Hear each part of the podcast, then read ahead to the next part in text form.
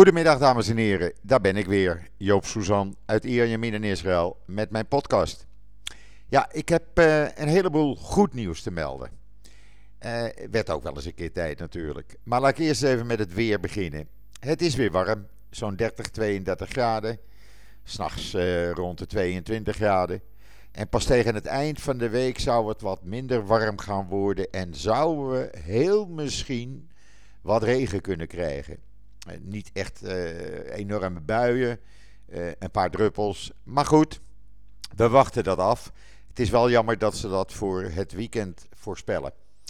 Maar in ieder geval, ja, de straten kunnen dan een beetje schoon gespoeld worden, laat ik het maar zo zeggen. En zo'n eerste regenbui ruikt altijd fris in het land. Ja, en dan een heleboel goed nieuws. gisteren is in Bahrein tussen Israël en uh, Bahrein een uh, overeenkomst ondertekend. Waarbij uh, de beide landen hebben afgesproken diplomatieke en vriendschappelijke betrekkingen aan te gaan. Dat is natuurlijk hartstikke mooi. Na de Verenigde Arabische Emiraten is dit dan officieel het tweede land. Daarnaast hebben ze allerlei andere MOU's ondertekend, Memorandum of Understandings. En die worden dan verder uitgewerkt. En dat uh, gaat bijvoorbeeld over dat ze beloven geen vijandige acties tegen elkaar te ondernemen. En op te treden tegen vijandige acties door derden. Dat vind ik wel een hele goeie. Um, volgens het document zullen de twee partijen hun inspanningen voortzetten om tot een rechtvaardige, alomvattende en duurzame oplossing voor het Israëlisch-Palestijnse conflict te komen. Het doel van een Palestijnse staat of een twee-staten-oplossing wordt daarbij niet vermeld. Ja, en dan krijg je dan tweets te zien, dat zeg ik er even tussendoor, van bijvoorbeeld de Volkskrant, die dit een omstreden akkoord noemt. En waarom noemt de Volkskrant in al haar wijsheid dit een omstreden akkoord? Omdat er geen uh, oplossing voor het Palestijnse-Israëlische conflict in staat. Want ja, positief nieuws moet je altijd als Nederlandse media, vooral als Israël bij betrokken is, omzetten in iets heel negatiefs voor Israël. Nou, welke memorandum uh, zijn er dan ondertekend? Of memoranda, moet ik eigenlijk zeggen. Uh, een me memorandum voor economische samenwerking, burgerluchtvaart, samenwerking tussen de ministeries van Financiën van beide landen een memorandum over communicatie en post, over landbouw, over de samenwerking tussen de ministeries van Buitenlandse Zaken van Bahrein en Israël, over vrijstelling voor visumvereisten voor diplomaten en een memorandum van overeenstemming over samenwerking tussen de kamers van koophandel van de twee landen. En dat gaat natuurlijk voornamelijk over de handel, over de export en uh, import. En zoals uh, de Israëlische delegatieleider Ben Shabbat zei: We begonnen de dag als vrienden en we sluiten het af als familieleden. Familieleden van de familie van Abraham, zei hij. Waarmee hij verwees natuurlijk naar de Abraham-akkoorden. Ja, het is natuurlijk hartstikke mooi nieuws. En ik begrijp uit uh, posten op social media dat dat in Nederland anders wordt gezien. Maar ja, uh, in Nederland zien ze altijd alles anders als het om goed nieuws uit Israël gaat. En dan is er uh, vanmorgen vroeg uh, een commerciële vlucht uit de Emiraten geland op Ben Gurion Airport. U kunt het allemaal nalezen op JoodsNL en ook zien. De video's staan daar. en die is echt, ja, dat is bijzonder natuurlijk. De vlaggen van Israël en de Emiraten uit het toestel. Uh, en daar zat dus een hele, uh, hele groep uh, mensen uit de toeristenindustrie bij. En dat is natuurlijk iets fantastisch. deze mensen gaan nu door het land reizen. Gaan allerlei toeristische plekken bezoeken. Waren vanmorgen vroeg al op de Tempelberg. En ja, dat is natuurlijk een ontwikkeling die we een paar jaar geleden niet hadden kunnen bedenken. En ja, wennen maar aan, zou ik zeggen. Het wordt alweer bijna normaal. Trouwens, eh, morgen komt er een uh, officiële delegatie uit de Emiraten naar Israël. En die gaan een overeenkomst ondertekenen waarbij binnenkort 28 vluchten per week zullen plaatsvinden tussen Israël en de Emiraten. Waarbij uh, niet alleen El Al en Israël en Etihad en de Emirates uh, uh, luchtvaartmaatschappij naar en van Israël vliegen. Maar ook bijvoorbeeld Ryanair of Wizz Air die dan onbeperkt van Eilat naar de Emiraten en terug kunnen vliegen. Ja, dat zijn natuurlijk ontwikkelingen waar iedereen hier blij van wordt. Uh, maar in Europa schijnt men daar helemaal niet blij van te zijn. Want uh, ja, ik lees daar weinig over. En dat is natuurlijk raar. Het is natuurlijk raar dat de Nederlandse media, de Nederlandse pers, daar, ja, daar gewoon niets van wil weten. En als ze er al iets over schrijven, het in een negatief beeld doen. Ehm ik ben er in ieder geval blij mee. En ik hoop dat zodra uh, het coronavirus uh, wat minder om zich heen grijpt, dat we dan de mogelijkheid hebben om eens even een weekend die kant op te gaan. Want voor prijzen van een paar honderd euro kan je al drie dagen, heb ik gezien in de advertenties online, uh, naar een, een vijfsterren hotel in de Emiraten. Nou, is toch hartstikke leuk. Het lijkt mij wel iets. Dus ja, binnenkort, uh, ja, wie weet, februari, maart, lekker naar uh, de Emiraten toe. Ja, en dan, uh, wat is er nog meer voor nieuws te melden? Nou, dan krijgen we echt Israëlisch nieuws. En daar ga ik het nu met u over hebben. Want gisteren zijn dan de kleuterscholen geopend en de kinderdagverblijven in Israël. helaas zijn er ook weer vanmorgen nieuwe besmettingen bij uh, leiders van die kinderdagverblijven in Ramat bijvoorbeeld uh, geconstateerd. Er zijn er acht die besmet zijn met het virus. Maar waar veel over te doen is, is het feit dat de ultra-orthodoxe scholen, die dus niet open mochten, toch open zijn gegaan. Ondanks verzoeken van de coronavirus-tsaar, professor Gamzu, dat niet te doen. Men is gewoon open gegaan. Zo'n 60.000 leerlingen zijn uh, naar school gegaan. Terwijl dat uh, verboden is. De scholen in de rest van Israël zijn voorlopig nog dicht. En blijven ook dicht. Ultra-orthodoxe uh, wijken en steden kennen de hoogste besmettingen van Israël. En ja, wat krijg je? Dat deze besmettingen dan niet tot stand worden gebracht, maar ook de rest van Israël in gevaar brengen.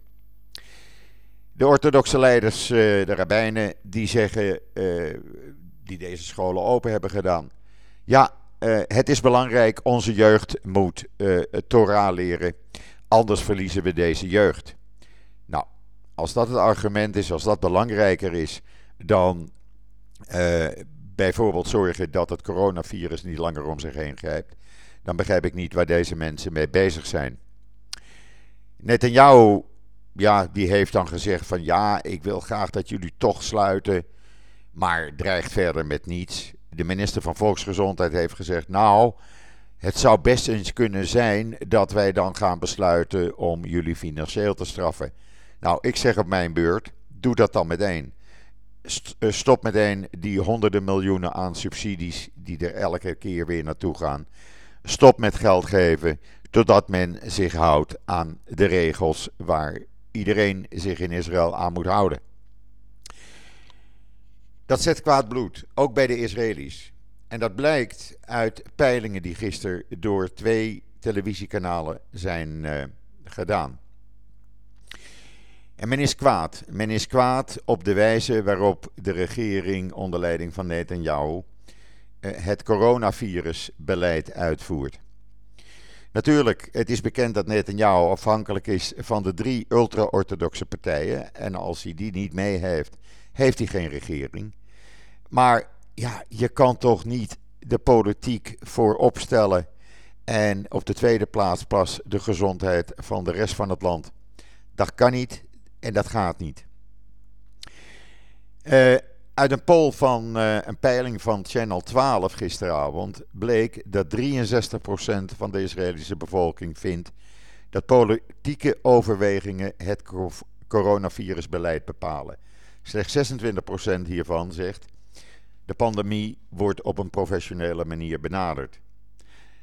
Een ruime meerderheid zegt ook door het toestaan van uh, het openen van scholen in de ultra-orthodoxe steden uh, zegt 59% van de bevolking, dan zit het eraan te komen dat we in december, januari een derde lockdown krijgen. 21% denkt dat het niet zo uh, ver komt. Is er dan nog vertrouwen in Netanyahu? 63% zegt nee. Wij vertrouwen hem niet. Hij doet het heel slecht. Ook op financieel gebied trouwens. Want er zijn bijna 1 miljoen werklozen. En uh, die mensen die moeten het doen met de helft van hun laatst verdiende salaris. Ik zie ook bij mij in de buurt elke dag worden leaseauto's opgehaald. Uh, uh, dus de mensen hebben ook geen auto meer. En dat is toch een belangrijk onderdeel voor de mensen hier in Israël dat je een auto hebt om je te verplaatsen. 31% is nog wel tevreden over het beleid van Netanyahu. Maar dan, dan kwam er een poll, een peiling van Channel 13. Die kwam ongeveer gelijke tijd. Ik kon het bijna niet meer bijhouden. Even een slokje water. En wat zegt die poll? Daar bleek uit dat de Likud-partij terugzakt naar 27 zetels. Dat Yamina, de partij van Bennett, 24 zetels zou krijgen. De partij van Lapid, Yesatit, zou 21 zetels krijgen. Enzovoorts. En dat betekent dat voor het eerst in een hele lange tijd het mogelijk is om een centrumrechtse regering te vormen zonder de Likud en zonder ultra-orthodoxe partijen erin. En dat is iets waar veel Israëli's al jaren, jaren eh, op hopen. Want men vindt, ultra-orthodoxe partijen horen niet in de politiek. Laten ze zich lekker bezighouden met de religieuze zaken en niet met de politieke zaken. Vergeet niet dat slechts 12% van de Israëlische bevolking ultra-orthodox is. Betekent dat als Yamina, dus de rechtse Yamina, samen met de centrumpartij Yesatit, met de rechtse centrumpartij Israël Betenu van Lieberman en Blue and White van, uh, Benne, van uh, Gans, Benny Gans. Die hebben gezamenlijk 61 van de 120 zetels. Als er nu verkiezingen zouden zijn. Komt de linkse meerheidspartij erbij, dan komen ze zelfs uit op 67 zetels. Dat zijn de vier meer als wat de coalitie van Netanyahu op dit moment heeft. En komt er dan een verkiezing aan? Vraagt men dan. Nou, die verkiezing die zou best eens heel snel kunnen komen. Alles wat op dit moment door premier Netanyahu wordt gedaan, staat in het teken van politiek overleven. Zijn eigen politieke overleven is belangrijker dan de gezondheid van het land managen. Ook de economie heeft natuurlijk een enorme knauw hier in Israël gehad. Echt waar, de winkelcentra die zijn nog steeds dicht. Die blijven ook voorlopig nog dicht. Uh, straatwinkels zijn ook nog dicht. Ondanks dat men zegt van luister, de supermarkten zijn open, slagerijen zijn open. Waarom kan een kledingzaak dan niet open of een schoenenzaak? Die gewoon in een straat is gevestigd. En waar je dus gewoon een deurbeleid kan doen en te zorgen dat er niet te veel mensen naar binnen komen. Maar dat mag allemaal niet. Bedrijven die publiek ontvangen moeten dicht blijven.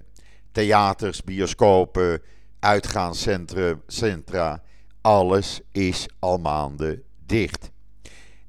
En dat betekent met 1 miljoen, bijna 1 miljoen werklozen nu, dat het dus gewoon de economie een enorme knauw heeft gekregen. Echt, geloof mij, de sfeer in Israël is totaal veranderd. Waar je vroeger gewoon lekker even een terrasje kon pikken, even wat drinken, dat is er niet meer bij. En dat is al maanden zo. We zitten nu in deze lockdown zes weken. Uh, het is met een week verlengd en het zal nog wel langer gaan duren. Er wordt gezegd dat we heel langzaam uit deze lockdown gaan. Ik moet het eerst zien en dan geloven. Dat zou best eens januari kunnen zijn voordat we eruit zijn. Het zou een goede zaak zijn en iedereen zou daar ook positief aan mee willen, willen werken. Indien dat echt alleen maar om gezondheidsredenen wordt gedaan.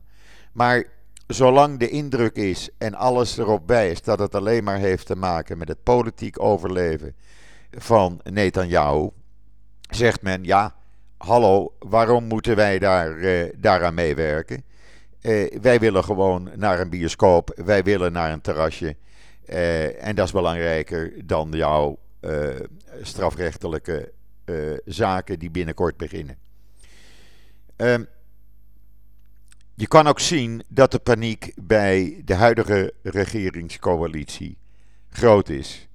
Uh, als je kijkt naar uh, bijvoorbeeld de foto's van premier Netanyahu, dat is een oude man geworden in een aantal maanden tijd.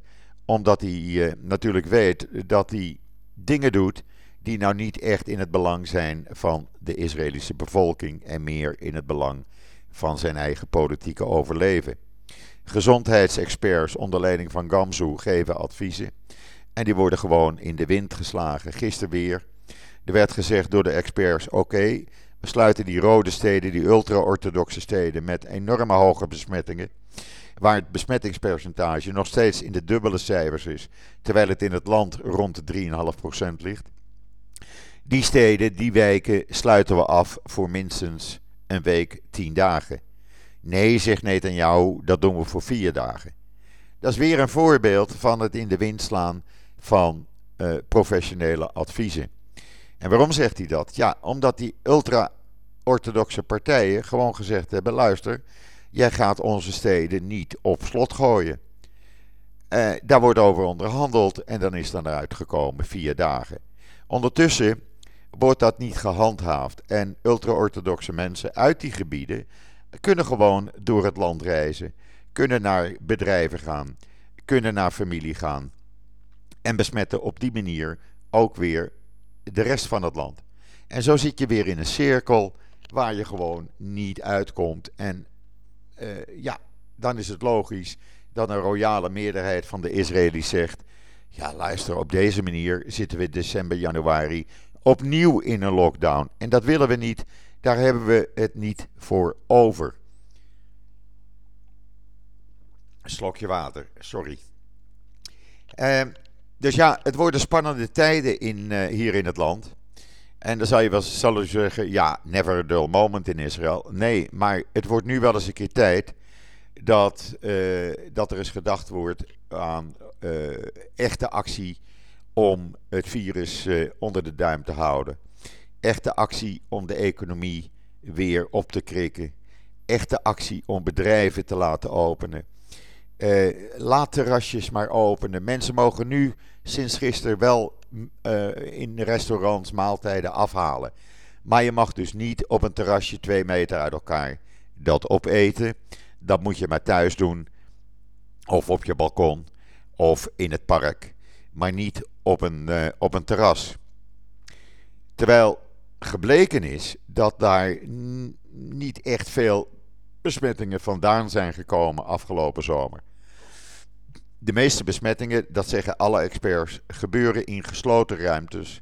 Waar je dus gewoon een mondkapje moet dragen. Uh, in ruimtes waar onvoldoende wordt uh, geventileerd. En natuurlijk in de orthodoxe, ultra-orthodoxe en Arabische wijken. Waar men dicht op elkaar leeft. Waar men uh, bijvoorbeeld in de ultra-orthodoxe wijken gewoon naar synagoges gaan met uh, 50, 60 of meer mensen. Waar bruiloften werden gevierd. Afgelopen woensdag nog, het was gisteravond op televisie, werd er weer een bruiloft uh, gevierd, ondanks dat dat verboden is, met een paar honderd man. Ja, kijk, op die manier gaat dat niet werken.